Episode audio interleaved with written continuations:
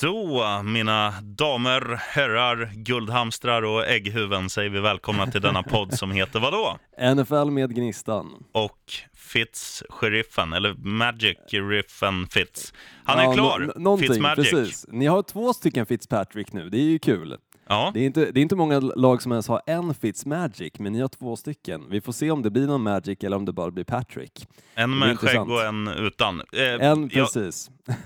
jag tycker vi börjar där, för jag knöt ju näven och sa yes, vi kommer vinna fler matcher i år än vad vi gjorde i fjol, då vi hade Mm. Ryan Tannehill som en riktig vattenspridare. Nu får vi in en skäggig, rutinerad farbror som har, har vant sig med Florida-solen efter Som några, också år i är en Tampa. vattenspridare i och för sig, så du, du kan ju inte helt frångå att även Ryan Fitzpatrick är en vattenspridare precis som Ryan Tannehill var. Så jag vet inte om det kommer bli så mycket bättre. Men Jo. det intressanta här, sheriffen, de gör sig av med Ryan Tannehill, fixar Ryan Fitzpatrick. Eh, det blir ändå ganska mycket liksom, vad ska man säga, headlines kring att de signar Fitzpatrick. Och det är många som verkar tro att det här ändå är liksom en, en bra väg framåt. Men såklart så kommer de ju fokusera på draften och frågan är, kommer de fokusera på den här draften eller kommer de sumpa hela den här säsongen för att ha 100% chans att kunna plocka den QB som det har varit så mycket snack om de senaste, åtminstone månaderna skulle jag säga, som de verkligen vill ha också i 2020-draften då, nämligen Tua Tagovailoa. Bra namn. Ja, väldigt bra namn. En spelare från Hawaii. Jag kommer tycka det blir jättejobbigt om Miami Dolphins kommer drafta honom och dessutom om han blir en väldigt bra spelare för då kommer man behöva uttala hans namn varenda gång. Men jag tror ändå att deras mål, Miami Dolphins, är att sumpa den här säsongen och satsa på Tua och kanske helt och hållet skita i och plocka en quarterback i första rundan. Vi kommer gå in lite grann mer på det såklart med draften och lite free agency också, men, men det är intressant att hålla sig just kring Miami för att det är så pass mycket som ändå har skett där. Det är så pass många spelare de har gjort sig av med de senaste två åren och det är ju verkligen en rebuild de satsar på. Men hur känns det för dig som ett Miami Dolphins-fan, Sheriffen? Jag tycker det känns jättebra, för att om man, om man tittar på de som är på utkontot, alltså stora namnen, Tannehill Mm. har ju dragit, han har, har gått till Tennessee Titans och Danny Exakt. Amendola kritar på för Detroit Lions. Eh, sen har vi förlängt med de här som är framtiden, liksom Devonte Parker, eh, Drake har ju kontrakt och de, liksom, de, de som har potential och har åldern för att liksom bli byggstenar i laget är, är ju kvar. Sen tar man in Fitzpatrick, eller Fitzmagic, man får kalla honom vad man vill, som QB. Och det, det är ju ett tecken på att han, han är ju inte där för att liksom, han är inte där för att stanna, utan han är där för att Dolphins ska, ska vara konkurrenskraftiga i år och eventuellt även nästa år. Och sen, sen tror jag liksom att alltså, det, är för, det är för risky att göra så här i ett, framförallt i en stad som Miami som har väldigt svårt att locka publik till dåliga lag. Alltså titta på Mm. Florida Panthers, titta på Miami Heat. När, när lagen är bra, då är det lapp på luckan varenda match. Men är det som i år så snittar väl Florida Panthers 13 000 i en arena som tar 19 eh, och eh, Miami Heat snittar väl också något så här 13-14 000 i en arena som tar 18. Och de pengarna, de intäkterna för matchbiljetter är svindyra. Om, om vi tar då eh, Hard Rock Stadium som tar 80 000, om det skulle vara halvsatt varenda match för att Dolphins skulle underprestera eller vara skitdåliga, Mm. då, alltså det är för många vaskade miljoner. Det är för mycket intäkter för att bara ge bort en säsong. Eh, så att de kommer, de kommer i och med Fitzpatrick-draget att försöka vinna så många matcher som möjligt. De, de kommer ju inte gå... De vet ju själva att vi kommer inte vinna Super Bowl, men vi, vi kan definitivt tangera eller göra ett bättre, en bättre säsong nu än i fjol. Och jag tror också att, att han kan vara en sån signing som kan göra att någon sån här free agent som vill ha ett soft liv, alltså jag tänker offensiv spelare, en tight end eller en wide receiver, kan tänka att ja men vad fan, jag kan väl sola lite och, och få lite passningar ifrån Fitzmagic och, och ha det ganska soft. Jag, jag tror det. Jag, jag tror att det är en bra signing för Dolphins och jag Men- tror jag tror inget, eh, visst jag tror vissa lag kanske resonerar så att nu gör vi en skitdålig säsong för att få drafta eller för att ha en hög procent och få drafta etta. Men Mm. jag tror inte att Dolphins är ett lag som vågar göra det på grund av den ekonomiska aspekten. Men du tror inte att Miami Dolphins, alltså fansen i Miami ändå känner någonstans att det här är en sån säsong som de kommer att sumpa? De valde att göra sig av med Ryan Tannehill och istället tog Fitzpatrick då. Och Det är en samtidigt så- uppgradering, Olsson. Det är på, på sätt och vis en uppgradering, men inte en stor sådan. Eh, och det är svårt också att säga om det faktiskt är en uppgradering. Visst, tittar man 2018 års säsong så är det definitivt en uppgradering, men tittar man 2019 års säsong så vet vi inte. Det är svårt att säga om han kommer prestera bättre än vad Ryan Tannehill gjorde förra, år, förra året då. Och precis som du säger, det är ju antingen liksom lite bättre säsong än vad de hade nu, eller så är det ungefär samma säsong de kommer ha. Och jag vet inte om det är egentligen bättre då för Miamis del att bara sumpa säsongen och som jag nämnde så tror jag att ändå fansen i Miami känner någonstans att Nej, men Dolphins kommer ju lägga sig. De kommer inte bry sig om att vinna matcher på samma sätt som, som de kanske kommer göra 2020. Varför ska jag lägga pengar på att kolla på det här laget? Visst, det kan vara kul om jag har tiden över, om jag har pengarna över.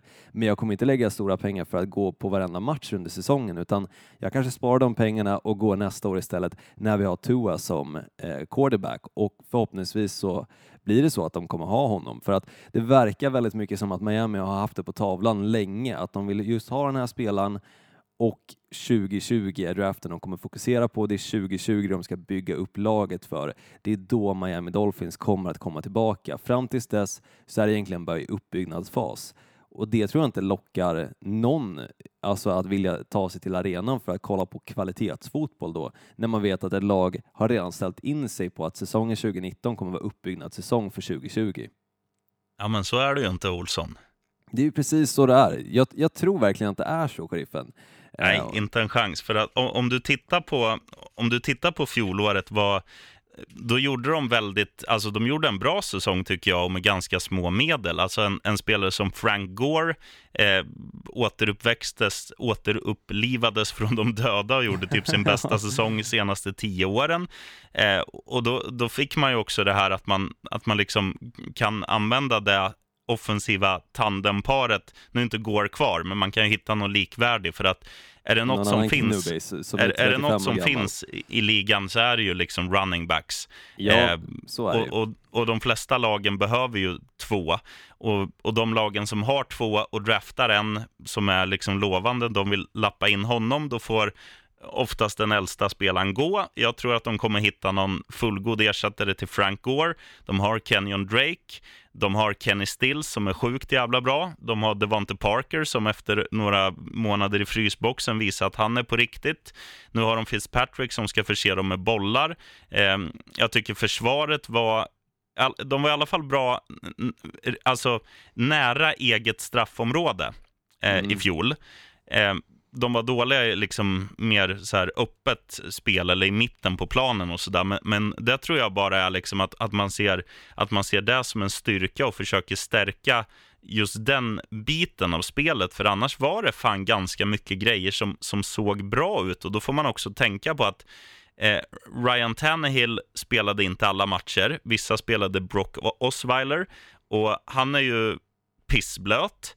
Ja, eh. Kan, Fitz, kan Fitzmagic nu vara hel och spela en hel säsong och förse de här som jag rabblade med bollar, då tror jag att, att det kan göras en hel del poäng. För att om man tittar på de matcherna Fitzpatrick hade i Tampa, det var väldigt många matcher där de öste in poäng och det var inte tack vare running backsen, utan Mm. det var ju tack vare Fitzpatricks arm. Och kan man då använda den och ge bollar till Stills och Parker och alla de här och också att eh, Kenyon Drake har en skaplig säsong för att de även ska ha ett hot liksom i springspelet. Då ser offensiven bra ut och fundamentet till en okej defensiv finns redan. Nu gäller det bara att tajta till det mitt på plan också. Där kommer de lösa och Dolphins kommer att vara helt okej även i år. Det tror jag.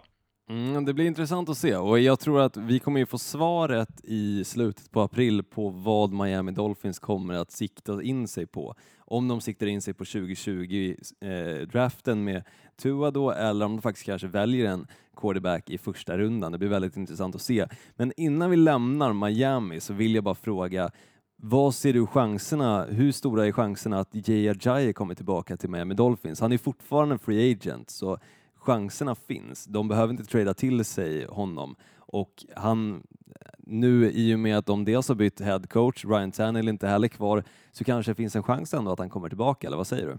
Mm, eh, jag tror det är en ganska stor chans, för att det är precis en sån här spelare som man behöver. Och, och tittar man på Jay Ajayi, det som, är, det som ligger han i fatet är ju att han har i början av sin karriär så användes han alldeles för hårt. Han fick ju fan varenda boll, varenda anfall. Eh, om han då, han och Kenyon Drake kan ju bli ett jättebra par, liksom att de spelar varannat anfall eller ja, Ajayi får spela första och andra down och Drake tredje och fjärde eller så här. Det, jag tror att eh, det hade varit en jävligt bra pusselbit att ta tillbaka. Sen vet ju jag att Jay Ajayi var älskad i Dolphins av fansen. Alltså det var, när jag var på match där så var det ju, ja, jag ska inte säga 90 procent, men säg 50 procent gick ju runt i Ajayi-tröjor. Han är ju liksom, han var ju verkligen eh, en superstar där. Liksom. Mm. Ja, och det, eh, han var väl okej okay i Eagles också i, i början där, men sen har det ju ja, den här säsongen har man ju fan inte ens nämnt hans namn. Han har väl bara Nej, varit skadad. han var ju skadad också, precis. Men, men det är ju intressant, alltså, för jag tror, jag tror också just att plockar de tillbaka Jay Ajayi, då kanske de ändå har lite folk som kommer till arenan tack vare det här tandemparet då med Kenjon Drake och Jay Ajayi som kan stärka upp då en spelare som Ryan Fitzpatrick om inte han hittar bollen till till exempel Kenny Stills eller Devonte Parker. Det tror jag hade varit en bra kombination. Eller nu är det ju för sig bara så att man fick ju se de här små, små matcherna som han var med eh, Los Angeles Rams, men CJ Anderson är också tillgänglig och där har de ju en spelare som ser ut och fungerar precis på samma sätt som Frank Gore, nämligen som en stor köttbulle bara som ska springa igenom. Det är veckans eh, lookalike. Ja, det är ju verkligen veckans lookalike. Och men jag ser ju hellre för Miamis del och för din del också, sheriffen, och även för min del, för jag älskade den perioden som Jay var i Miami Dolphins, för det, kände hopp, det kändes hoppfullt då. Mm. Eh, och sen så fort han försvann så var det som att allt hopp dog ut i Miami, och efter det så har, har det ju faktiskt bara gått ner för. Så jag hade verkligen sett Jay Ajayi komma tillbaka till eh, Miami Dolphins snarare än CJ Anderson, men jag tror CJ Anderson också är ett bra alternativ. Dock, så som sagt, Jay Ajayi hellre alla dagar i veckan. Mm. Ja, Ska vi damma av introt och så snackar vi lite mer om Free Agency och så lämnar vi Miami Dolphins bakom oss. För som sagt, vi kommer få svaren om Miami Dolphins i slutet på april, exakt vad de kommer göra. Och vi kommer också gå in lite grann på draften såklart. Och eh, direkt efter introt vill jag snacka om ditt skitlag, Green Bay Motherfuckers. Nu kör vi!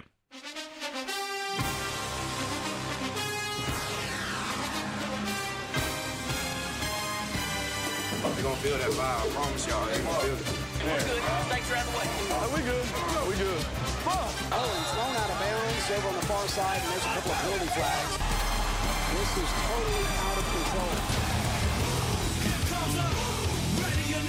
Okej, Gnistan Olsson, det har ju hänt mm. lite i, i ditt lag också. Eller det har hänt mycket. Det har hänt ganska mycket. Får jag, får jag bara ge min take på det och känslan som jag hade när både Randall Cobb och Clay Matthews då försvann. Alltså det här är två spelare. Eh, tittar man först och främst på Randall Cobb, jag tycker att han har varit väldigt bra i Green Bay, men han har varit väldigt skadad och jag vet att redan sedan förra året så var det på tapeten att han eventuellt skulle därifrån. Så den alltså att han försvinner känns lättare än att Clay Matthews försvinner. För att förra året så såg vi ju Jordy Nelson, alltså en spelare som jag verkligen förknippar. Han tillsammans med Aaron Rodgers och Clay Matthews har varit Green Bay för mig.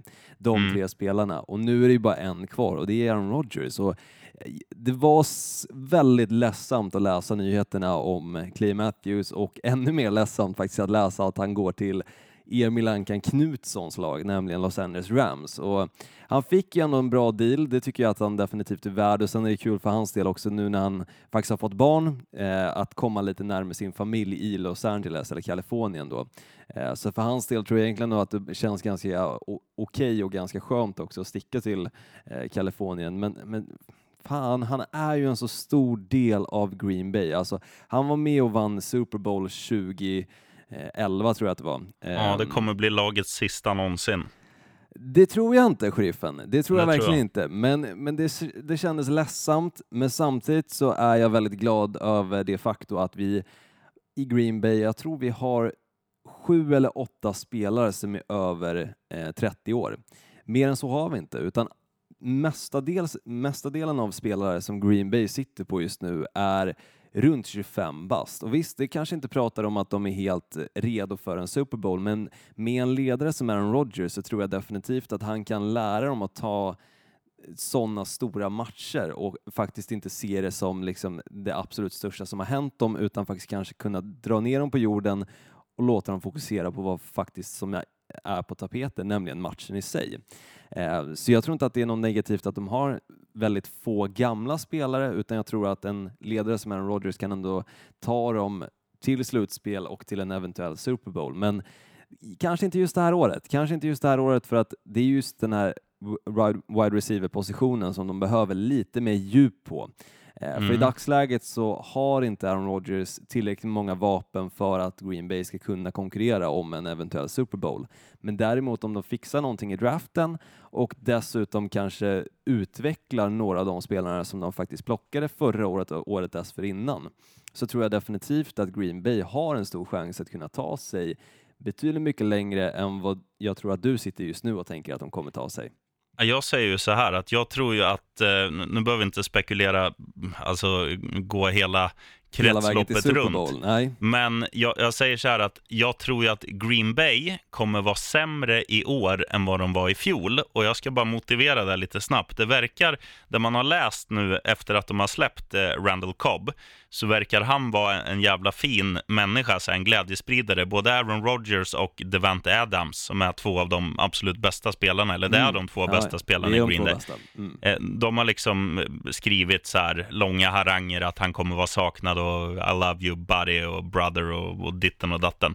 Eh, Eh, jag tror att han kommer då, eh, den känslan att, att man tappar någon så här, liksom lekkamrat, eh, polare, medmänniska, kalla det vad du vill. Det kommer göra att, att stämningen kommer vara lite sämre. Sen är det ju så, Aaron Rodgers, han är ju skitgammal. Han har en ax, axel som är, som är halvt Braiko. Eh, de tappar eh, liksom han som är, eller som har symboliserat eh, försvaret i laget under senaste 10-12 åren, Clay Matthews. Det finns liksom, de har tappat sin identitet i och med de här movesen.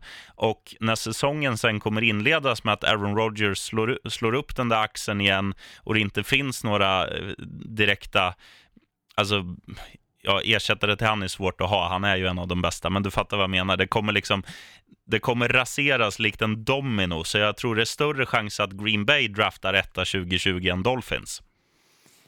Nej, det tror jag definitivt inte, sheriffen. Alltså, grejen är så här.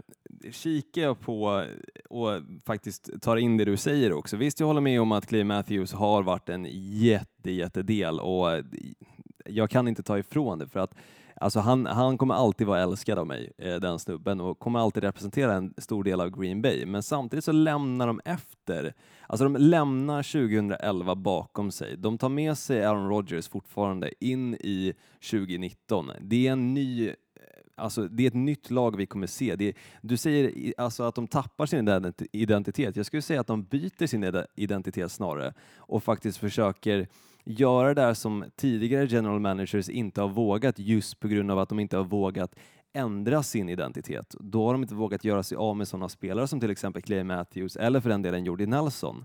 Men vi börjar se det redan förra året och jag tror att det är rätt väg att gå för att det är bara att titta på Devonte Adams. Visst, han såg helt okej okay ut när han klev in under hans rookie-år, men han har ju verkligen klivit fram nu de senare åren. Ja, han var skitbra i fjol.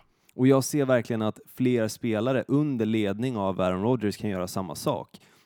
Och jag tror att de kommer ha bra mentalitet för att jag tror, att inte, jag tror inte att det kommer påverka att Randall Cobb inte är med i omklädningsrummet eller så, utan jag tror snarare att Aaron Rodgers kommer kunna hitta fler spelare för att han kommer inte ha då Randall Cobb att kunna förlita sig på utan han måste hitta, han måste hitta nya. Och det tror jag kommer vara en fördel för Green Bay Packers och en fördel för Aaron Rodgers också för att det kommer också innebära i sådana situationer som då eh, Randall Cobb var skadad och försvann ifrån laget i kanske 6-8 veckor och helt plötsligt under, mitt under säsongen så var Aaron Rodgers tvungen att anpassa om sig och hitta nya wide receivers och lära dem eh, rutterna och se till så att de var precis på den platsen som man visste att Randall Cobb alltid var på. Nu kommer han kunna börja med det redan från training camp och det tror jag bara är positivt. Att han kommer kunna bygga upp de här nya wide receiversarna på ett annat sätt som han kanske inte gjorde under tiden som han hade både Randall Cobb och Jordi Nelson. Jag ser det som positivt.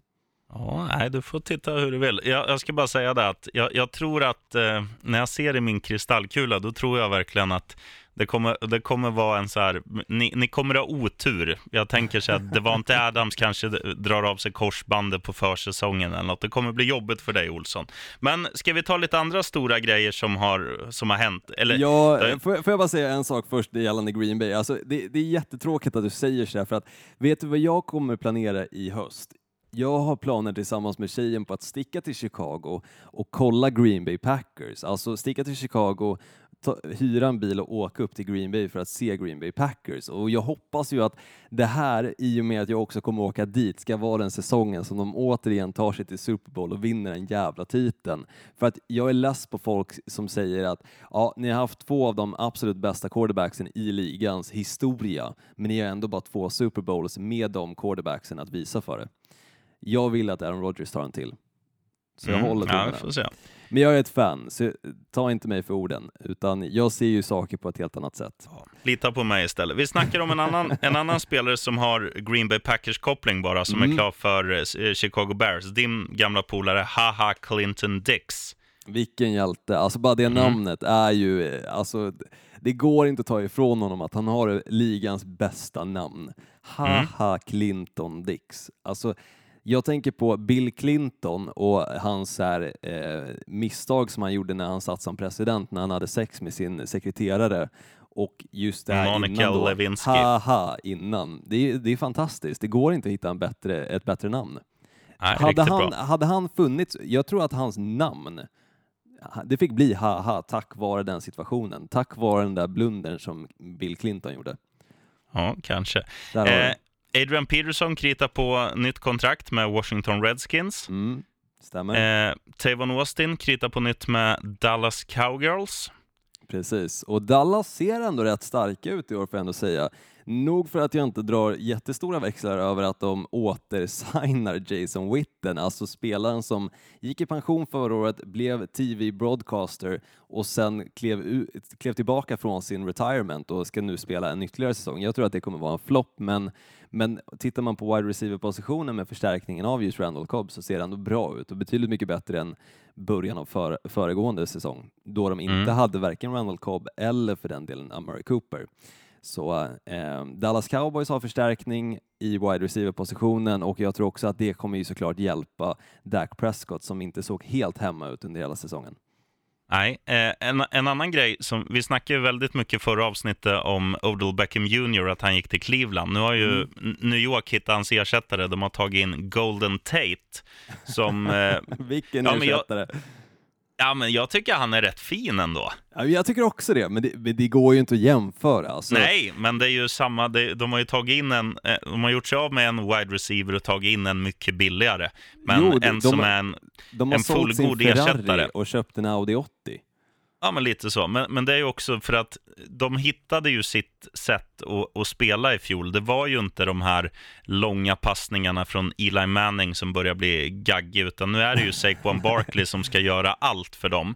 Mm. Och någon gång måste han bli avlastad och då kan man kasta en passning till Golden Tate för han är helt okej. Okay. Absolut, och det är så sjukt, alltså tittar man på hur folk ser på Cleveland just nu, alltså nionde bäst rankade laget när man tittar på NFLs eh, power ranking, alltså det är så galet och då snackar vi om ett lag som för två, ja, men två säsonger sedan nu, om man säger att vi är i 2019-säsongen, hade 0-16 som rekord. Mm. Får jag fråga på den power-rankingen, vart är Green Bay placerade? Green Bay är 17 plats och eh, vill du också veta vart Miami Dolphins är placerade? Jag kan gissa. Ja, gissa. 26 Nej, det var ju ödmjukt av dig, eller det var, det var snällt av dig för Miamis fanbase, men nej, 31 plats och 32 plats i Cardinals. Eh, så ja. näst sämsta laget i hela NFL i ditt lag. Varsågod. Ja. Du, en fråga till dig Olsson. Vi snackar ju om Ryan Tannehill och för er Mm. som missar, han har ju då blivit tradad till och kritat på för eh, Tennessee Titans. Stämmer. Jajamän. Eh, Mariota är ju kvar där också. Vad, vad ser du hända där på deras eh, QB-position? Vem eh, Har de tagit in Tannehill bara för att ha honom på bänken eller tror de på honom där? Nej, alltså jag, jag ser det bara som att han kommer sitta på bänken. Alltså Tannehill är äldre än Marcus Mariota. Marcus Mariota har hela tiden varit snacket om att han är alltså deras franchise quarterback. Visst, även fast han inte riktigt har bevisat det än så länge så har han ändå lyckats ta dem till slutspel och vunnit match också. Och det är mycket mer än vad man kan säga om till exempel Andy Dalton i Cincinnati Bengals. Nej, jag tror definitivt inte att de kommer eh, göra någon sorts battle över QB-positionen mellan Ryan Tannehill och Marcus Mariota, utan jag tror att Ryan Tannehill kommer dit för att sitta bakom Marcus Mariota och utifall att Marcus Mariota blir skadad, vilket vi ändå har sett honom bli ganska ofta, så har de ändå en quarterback som är van att vara starter och som kan Mm. kliva in ganska lätt i så fall och ändå leverera på en hyfsad nivå eller slänga interceptions. Men man hoppas ju på det förstnämnda, en hyfsad nivå alltså. En annan som kommer sitta och nöta bänk, det är ju din gamla polare i Jaguars, Blake Bortles. Han har nu kommer nöta signats. bänk. Han har kommit till Knuttes lag, LA Rams. Och där, han, han kommer ju inte, ja, så länge Jared Goff inte bryter benet eller drar korsbandet så kommer ju inte Blake Bortles att stå på en plan i år. Nej, nej, men det är så intressant alltså. Tittar man på Los Angeles Rams, jag nämnde det förra säsongen också, nu tog de i och för sig hela vägen till Super Bowl, så det var ju ingenting som talade negativt för deras del heller, men, men tittar man på Los Angeles Rams och spelarna de plockar in under Free Agency, de satsar ju på alla spelare som är över 30. De Mm. tittar ju knappt på spelare som är under 30. Och så tittar man på andra lag, som till exempel mitt lag Green Bay då, som bara satsar på spelare under 27. De plockar inte in en jävel som är över 27 och gör sig av med nästan alla som är över 30. Det är en så stor skillnad på hur de här två lagen bygger sin organisation. Och Ja, men, det blir intressant att se för att alltså vi snackar vissa spelare som kanske har två, tre år max kvar i sig, i kroppen. Och vissa som är lite skadebenägna, vissa som inte ens alls har levererat på bästa nivå de senaste åren. Tyvärr så syftar jag då på Clay Matthews, som de ändå plockar in och signar till hyfsade kontrakt. Jag, jag förstår inte. jag ska berätta varför det är som Ja. det är, Olsson. Snälla gör det. Vilket är NFLs bästa lag de tio senaste åren? New England Patriots. Och hur har New England Patriots eh, agerat? Jo, precis som de här lagen gör. De har en bra stomme som funkar. Sen har de kryddat det här med lite så här gamla spelare som ändå kan göra jobbet eh, och som är liksom eh, de är gamla i gamet och kanske vill, de kanske känner så här, ja vad fan, jag skriver på 1 plus 1. vinner jag en Super Bowl så lägger jag av för att då lägger jag av när jag, när jag liksom är som bäst. Jag har lyckats med, med en bedrift, jag har vunnit Super Bowl och Los Angeles Rams är ju ett sånt läge också att nu vet ju de, alla i NFL vet ju att Rams har ju ett fönster nu på kanske tio år där de kommer vinna en eller två, kanske tre eller fyra Super Bowls för att de har... ja, men Tror du de, verkligen det? Ja, men de har ju, alltså efter fjolårssäsongen så har ju de visat att det här är ju ett lag som är, som är byggt för att vara där uppe och nosa. De är ju bland ligans fem bästa lag och kommer så att vara så länge de har Todd Gurley och Jared Goff och, och den här bredden som de har på wide receiver-positionen. Sen om de tar in en, en gammal Clay Matthews som kanske jobbar 50% som hårmodell och 50% som fotbollsproffs, han kommer ändå fylla en luck, alltså han kommer ändå fylla en funktion i deras försvar. Han kommer definitivt inte göra bort sig. Och Nej, det tror jag inte heller. tittar man liksom på- tittar man på New England också, de, de har ju tagit in alltså sena, senaste säsongerna någon spelare man har tänkt så här, vad fan ska ni med han till? Men ja, vilka var det som vann i fjol? Jo, det var New England igen. Mm, ja, det är intressant poäng som du kommer med och det blir jävligt intressant också att se om just den här Alltså resan som Los Angeles Rams hade både förra året och året dessförinnan kommer att fortsätta vara lika spikrak det här året. Om de kommer ta sig till slutspel tror jag ingen snack om saken, men om de kommer ta sig hela vägen till en ytterligare Super Bowl då. Och om i så fall, kommer de vinna i år eller kommer de bli nya Buffalo Bills som förlorar fyra år på raken? Det är också intressant att se. Ja, de kanske bara inte har det där lilla extra. Det finns ju en risk att det, att det blir så, men jag tror ju jag tror ju att Rams är definitivt ett av fyra lag som kommer vara i, framme i semifinaler. Det är ju de, det är New England igen som alltid för att det är tråkigt, och, men de är bra. Sen är det Kansas City Chiefs och sen eh, ja, så kan väl något så här halvdassigt lag sprattla till i år som, som får grejen att funka. Men jag tänker på typ Vikings som Kirk Cousins blir bra, eller jag tänker Nej, på Chicago. Viking, Vikings kör rebuild mode, även de, precis som Miami Dolphins. Det, det är redan spikat att de kommer inte satsa på den här säsongen på alls samma sätt som de eh, försökte med föregående säsong då att ytterligare en gång ha den där säsongen som de hade med Case Keenum. Det, det funkar inte med Cousins och jag tror inte att det kommer funka i år heller. Jag tror att det laget har för mycket att jobba på just nu och de har dessutom interna dispyter och allt. Nej, jag ser inte dem. Då det blir det Chicago Bears. Ja, intressant att se. Intressant att se, sheriffen. Ska vi gå in lite grann på draften? För att det vi ska ändå... nämna, jag skulle mm. vilja nämna en till i ett lag som till. också, i ett lag som jag tror också riskerar att få drafta först 2020. Cincinnati Bengals, nu har de då släppt en av deras liksom Clay Matthews-typer, en så försvarsgeneral under de senaste Fast åren. utan typ hjärnceller menar du? Ja, eh, ja. Vontas Perfect. utan hjärnceller. Alltså, ja, ja. Den, den spelaren har ju inga hämningar. Alltså, det är ju det är en av de spelarna som jag aldrig skulle vilja möta i en, alltså en mörk gränd. Han hade ju totalt slaktat den. Bara för men att. En, men ändå en, eh, alltså, en hård spelare som är ja, lite över gränsen, men ändå liksom en av få bra spelare i det där laget. Nu ja, är det ju, det är ju kattskit, så att jag tror att Bengals kan ha det riktigt jobbigt den här ja, säsongen. Det, det, sa jag redan för, förra året då, eh, när vi snackade om Cincinnati Bengals och draften och hela free agency och sådär. Och det jag sa det även förra veckan, att jag tror inte att Cincinnati Bengals har någon framtid de kommande åren, utan de gör bara fel efter fel efter fel. Mm. Men för att gå in då lite grann på draften. Jag kan ju bara börja med att säga att det verkar som att alla experter är eniga. Kyler Murray kommer gå first overall till Arizona Cardinals. Vilka tror du då kommer att försöka, sig, försöka få sig eh, Josh Rosen till sitt lag? Vilka kommer uh... satsa på honom? För att han kommer inte vara kvar i Arizona, så, så säker är jag på det i alla fall. Kyler Murray kommer lag... vara QB1 ett lag jag skulle kunna tänka mig, det är ju Oakland Raiders och liksom gör, gör en chansning. För Derek Carr är ju okej, okay, liksom, men han kommer mm. ju aldrig bli, han kommer aldrig bli riktigt bra. Josh Rosen har ändå dra draftats högt och inte riktigt fått chansen för att han har haft för dåliga medspelare. Jag tycker inte han har den swaggen som behövs för att vara en bra QB. Men eh, alltså, varför inte chansa och ta honom till Raiders? Ge han lite matcher. De, de kommer ju ändå inte vinna några matcher.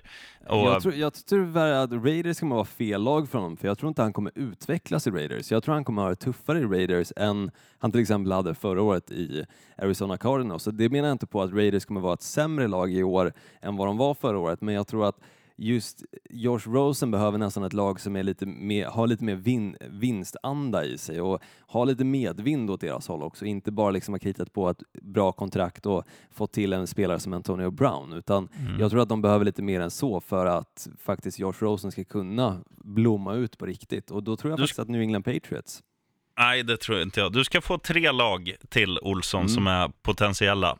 Pittsburgh Steelers, Cincinnati Bengals och eh, jag tror också, vilka fan var det jag satt och tänkte på här precis? New York Giants, eller sa jag dem? Nej, det sa du faktiskt inte. Det är intressant för att alla de fyra lagen ser ju definitivt som lag som ändå behöver kanske en ny quarterback. Vi snackar Raiders, precis som du nämnde, Derek Carr inte i sitt esse och jag tror inte riktigt att han kommer komma upp till någon bättre nivå heller ju äldre han blir, utan jag tror man har fått se honom, hans fulla potential och den är inte tillräcklig. Eh, mm. New York Giants definitivt att de behöver en quarterback. Alltså det går inte att sitta på Eli Manning i 20 år och tro att det är ett vinnande koncept. Nej, absolut inte. Och samma sak som jag nämnde med Andy Dalton och Cincinnati Bengals. De är ju, han har ju verkligen bevisat för Cincinnati som stad att han, han kan inte vinna slutspelsmatcher och han kan i dagsläget inte heller ta dem dit. Så de tre absolut och sen håller jag med om att, eh, ja, vad var det fjärde laget du nu nämnde? Tappar bort mig i mina egna tankar här.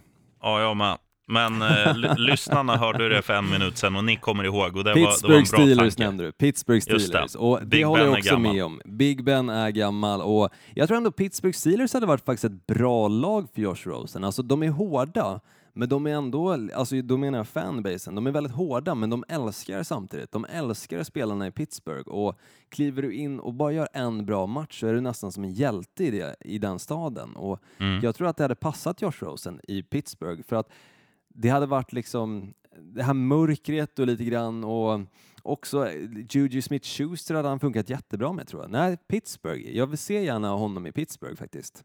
Mm. när jag tänker mer och mer på det. Men- klubbar det. För att gå in då på andra i själva draften som har en väldigt stor chans att de faktiskt kommer försöka plocka då en quarterback. Till exempel så är ju New York Giants det laget som jag tror alla kan hålla med om att de bör plocka en quarterback. Och det kan väl du också, sheriffen? Ja, ja, alla dagar i veckan. Men ska de plocka en quarterback på, med sitt sjätte pick eller ska de plocka med sitt sjuttonde pick som de fick då av Cleveland Browns? Och i så fall, ehm, vad, vilken position ska de annars välja? Ja, de, de har ju gjort sig av med en av ligans bästa wide receivers. De har haft lite otur tidigare, för de har haft... Alltså, Giants har alltid haft ganska bra wide receivers. Nu har de ju hittat sin eh, gunsling liksom i, i Saquon Barkley. Alltså, han, han kommer ju vara Giants trogen i resten av sin karriär så länge, han, så länge de spottar upp kontrakt åt honom. Och han är ju liksom... Han kan ju vinna matcher på egen hand. Mm, Eh, absolut. men det behövs ju också lite avlastning och det får man ju i form av en wide receiver. Nu, nu är Golden Tate också gammal, liksom. han kan funka ett år, men, men om det skulle vara så här, om det skulle vara ehm, med sjätte picket att de känner att okej, vi kan få en okej quarterback, men vi kan få en jävligt bra wide receiver, då tar de en wide receiver. Mm. Jag tycker oavsett vad, oavsett hur man ser på det hela, jag förstår den tankegången, för de behöver en wide receiver som, eh, som kan vara ett vapen i det där försvaret. Men jag ser nästan som att plockar de inte en quarterback med sjätte picket så tror jag att de bra quarterbacksen i den här draften, alltså då snackar vi Kyler Murray kommer gå etta och sen är det Dwayne Haskins och de kommer ju ha chansen att plocka Dwayne Haskins på, med sitt sjätte pick och det måste de nästan ta för att så som han levererade under hans pro day, det såg riktigt bra ut. Han såg alltså, som en quarterback som ändå kan kliva in i NFL och göra jobbet från start. Och det Mm. tror jag att New York Giants verkligen behöver för att tar du inte en quarterback med sjätte picket utan väntar till sjuttonde picket och kanske tar någon som är helt okej eller som egentligen borde tas i andra rundan istället men du känner att du måste ha en quarterback så du måste plocka honom nu. För att tänk om också han försvinner tidigt i andra rundan och du har inte det picket för honom. Nej, då har du kanske sumpat en hel säsong av potential som eh, Saquon Barkley hade kunnat ge New York Giants med en ny quarterback på eh, i det laget. Jag tror att de måste tänka om. De måste tänka quarterback, quarterback, quarterback på, eh, med sitt första pick då, sjätte plats. Mm. Next. Och nästa då, jag tycker att det är såklart kul att snacka lite grann om våra lagskiffen. Mm. Green Bay Packers, om du bara får bestämma, vilken position ser du? Nu har du i andra ögon, så jag känner att du får säga ditt först om Green Bay. Vilka ser du att de plockar, eller vilken position? Jag På med säger så här. pick. Jag säger så här, det finns ju en klassisk säg, sägning, sägning att best player available, det gäller ju verkligen för Green Bay för att det finns, alltså hela det där laget är som en greveost. Det kan flyga, absolut. Det kan bli skitbra om Aaron Rodgers... Jo, men det är hål i den. Ja, det är lite hål. Och det är så, alltså hela, hela Green Bay är ju så. Alltså de har Men en, det är ju bra, typ deras bra... logga, vad fan, cheesehead, kom igen. Ja, ja. Bra. Olsson. Ja, men så här, jag tänker, de har en bra QB, men han är gammal och skadebenägen. Det vore inte fel att ta en, en som kan gå liksom lära sig av Roger, se hur han är som människa, hur han är som QB, hur han förbereder sig, hur han tänker, hur han... Allt sånt där. Det, det är absolut inte fel. Tittar man nu när de har släppt Randall Cobb, visst, de skulle behöva en ersättare där på, på wide receiver-positionen.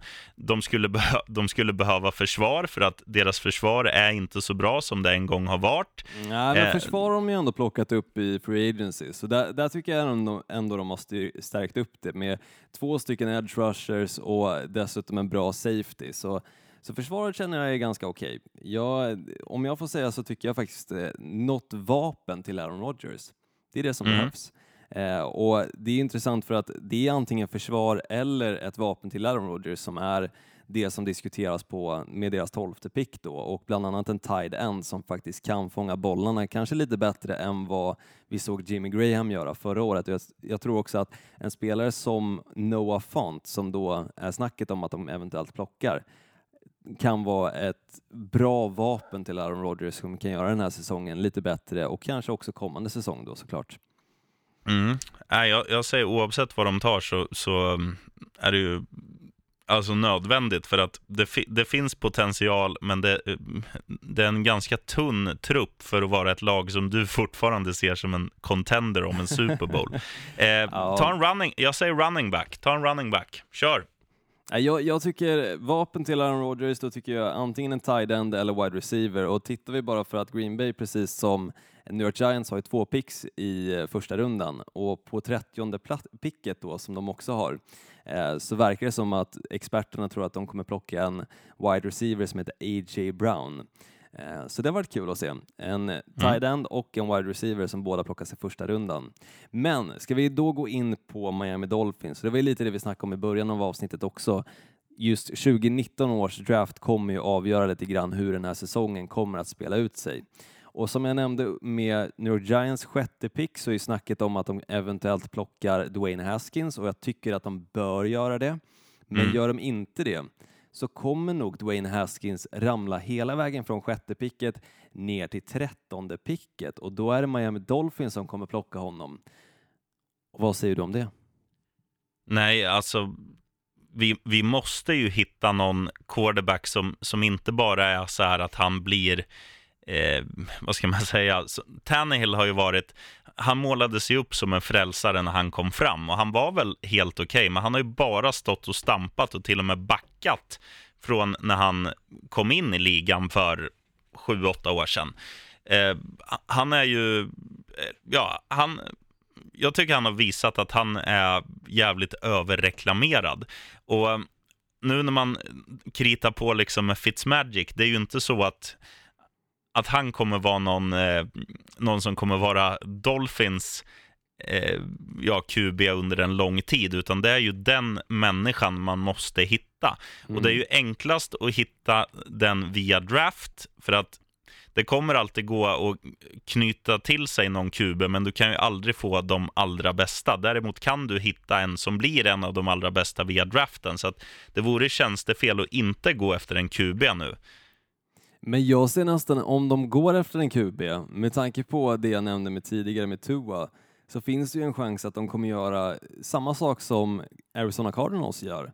Att de plockade den förra året, inse, insåg att det här kanske inte var rätt man för vårt lag. Det kanske är rätt man för ett annat lag, men inte för vårt lag. Så vi måste plocka en annan.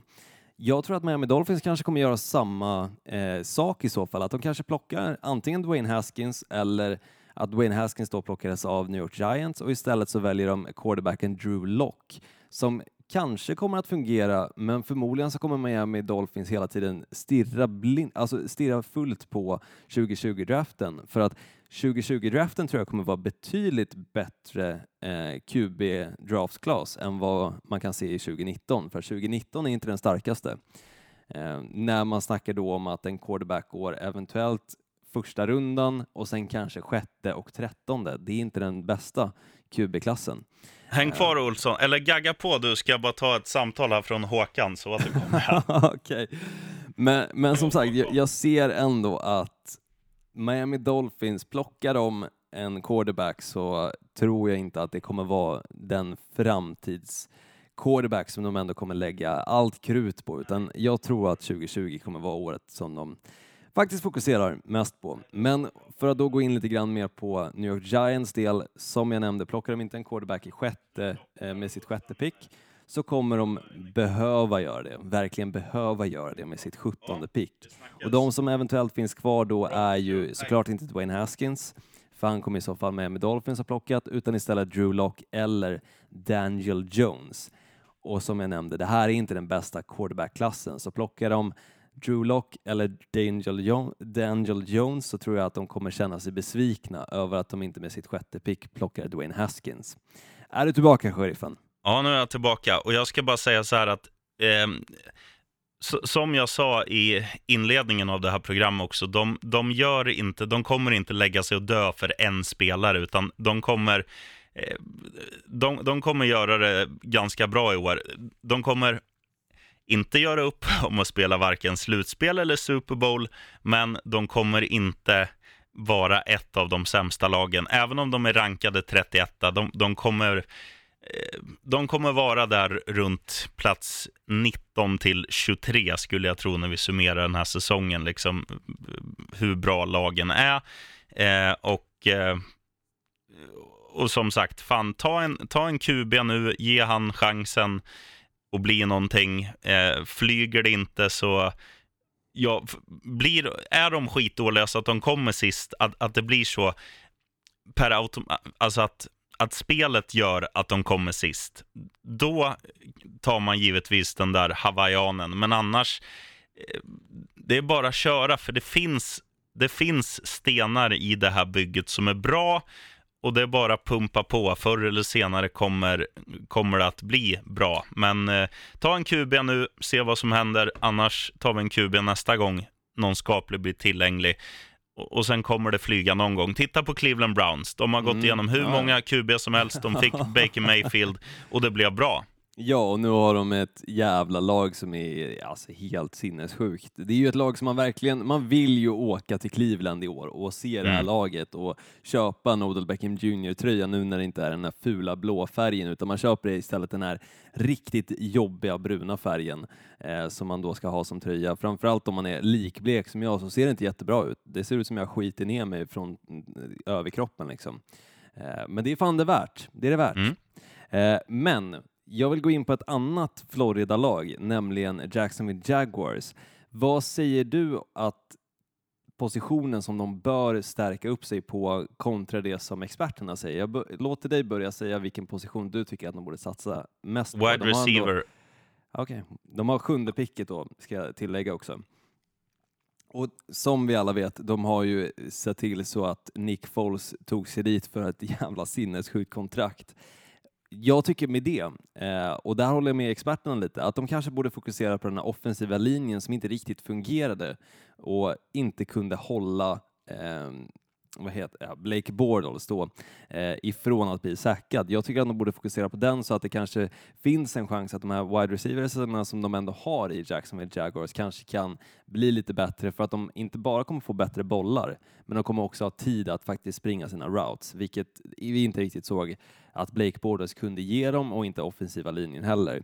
Eh, men såklart så behöver de också stärka upp med fler vapen och då är till exempel tight end eller wide receiver ett givet val också. Eh, men först och främst, har man lagt så mycket pengar på en spelare, en quarterback, så bör man stärka upp sin offensiva linje så att det första som händer inte är att han skadar sig. Mm. Ja, det köper jag. Och Men det, det är samma där. Mm. Det, det, är samma som med Green Bay. Alltså det, truppen är urholkad. In med nytt blod. In med någon jävla bra. Best player available. Ja, jag skulle väl kanske inte säga att man tar bäst, jo, man, jag tror inte man fokuserar riktigt på best player available när man har sjunde picket, utan då har man ändå möjligheten att se vilka positioner man behöver mest stärka upp på och så tar man därefter. Jag tror inte man tar best player available när det ändå bara gått sex spelare före, utan det finns många bra om man har sjunde picket kvar. Ja, så är det. Och tittar man, för att bara lite snabbt säga egentligen samma sak om Buffalo Bills, nu med Josh Allen, att det faktiskt fungerade, så kanske de inte vill att han ska springa allt för mycket som jag ändå såg han göra förra året, utan kanske där också förstärka upp lite på den offensiva linjen. Mm. Det är, det är nog inget dumt. Nej. Eller, Men- att de, eller att de faktiskt tar in en, en running back. För om man, om man tittar på LeSean McCoy eh, Mm. och Fra Frank Gore som nu ska bilda deras tandem. Det är väldigt, väldigt gammalt och eh, du vet vad som händer med åldern. Det märker jag. Till exempel när jag går ut ur bilen så verkar ju knäna. Nej, ja, okej. Ja, nej, men man blir ju liksom, man blir ju mer skadebenägen. Ja, ja, har man ont så, så sitter ju det i flera veckor. Och Mm, liksom, de skulle behöva få in någon ny. Dels för att eh, alltså inte riska Josh Allen, för att när hans springspel blir, det var ju där de förlitar sig på under stora delar av förra säsongen när Shady McCoy inte var i form. Ja, men det var det enda som funkade, så de var ju Ja. tvungna att förlita sig på det. Ja, ja, men då, Mm. då riskerar ju han att bli skadad om det är någon som ja, tack, tacklar han lite antingen fult eller oturligt. Och, och jag tror att de bli ett lag, för det är samma där, det finns också liksom ljusglimtar i Bills, det är fan Mm. inget skitlag längre. Då, då måste man hitta någon, alltså just det här med avlastning, det, det ser man ju ofta på de här lagen som är framgångsrika också. Det är ju att de kan anfalla på fler sätt än ett och med, med fler människor än en. Eh, man behöver liksom bredda och jag tror att eh, det är nog också två jävligt bra Eh, att gå bakom liksom och lära sig av. För både Frank Gore och Shady McCoy har ju varit i ligan hur länge som helst och varit eh, alltså produktiva spelare. Så att kommer du in och har dem där som faddrar, eller vad man nu ska kalla det för, då blir det ju det att, att du, ja, men du kan se hur fan de hur de gör, hur de tänker, det är samma där. Alltså jag, jag tror att det är bra mentorer, så in med en running back som kan ta över efter de två. Mm. Men ett lag som jag vill snacka lite om också, för det här är en, en intressant situation. Pittsburgh Steelers. Det ryktas om att de eventuellt med deras 20 pick kan tänka sig plocka ingen mindre än Antonio Browns kusin Marquise Brown. Och han kallades dessutom Marquise Hollywood Brown, så jag tror att han kommer ju vara minst lika mycket diva som AB. Och det blir intressant om de plockar honom och i så fall kommer han få samma tröja, alltså nummer 84. Då är det han- ingen i hela Pittsburgh som behöver köpa en ny tröja för att Antonio Är han Brown wide startar. receiver då? Han är wide receiver. Ja, kör. Alltså det hade varit kul och det är ju ändå lite så här, tänker man pengamässigt så är det ju jävla bra val att välja Marquise Brown och ge honom nummer 84 för att Ja, det, du behöver inte göra någonting. Det är bara så här, här har du tröjan, den har legat och eh, blivit tvättad under våren och sådär. Perfekt, det är bara att plocka på den. Eller väljer de istället kanske att plocka faktiskt en cornerback. Men jag hade sett det så mycket roligare om de faktiskt väljer kusinen till Antonio Brown. Det hade varit roligt. det gör de. Du tror det? Ja, garanterat. Och innan vi rundar av nu, sheriffen, jag vill bara lite snabbt gå in på den spelaren som vi nämnde lite för lite förra avsnittet enligt vissa. Eh, jag snackar ju såklart om DJ Metcalf. Vilket lag tycker du att han hade passat bäst i? Den här bitiga jävla wide receivern som, alltså, man blir bara avundsjuk när man ser hans kropp. Jag, Mm. jag känner att jag verkligen måste gå på gymmet. Jag har sen jag såg hans kropp börjat gå på gymmet faktiskt. För, Starkt. man, man skäms lite för mycket när man ser den. Fy fan. Ja, ja, där är det inga chipstuttar. Men Nej, eh, det är det inte. Ja, det är svårt. Alltså, jag, jag har ju aldrig sett han spela. Jag har ju bara sett en bild när han står i, barjubel, så jag har Men ju vi- inte så mycket att gå på. Vilken bild då kan du tänka dig, eller vilket lags tröja hade passat på den där bilden då? Om du Oakland tänker så. Raiders. Oakland, Oakland Raiders. jag tycker, och det här säger jag inte bara för att det är en av experterna som håller med om det, men DK Metcalf tycker jag hade passat i Baltimore Ravens. Jag tycker att han hade passat tillsammans med bara liksom det visuella av att ha DK Metcalf och eh, Lamar Jackson hade sett snyggt ut på affischer.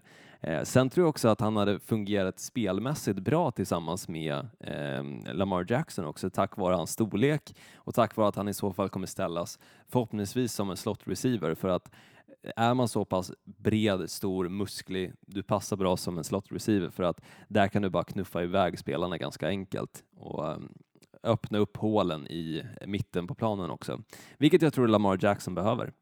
Um, Mm. Så Baltimore Ravens tycker jag att han har passat i. Det här varit snygga affischer också, som Ja, jag tror absolut. många i Baltimore hade satt upp på väggarna. Och Mm. även brudar då. bara tack vare musklerna. Ja, vi får hoppas. Vi får hoppas.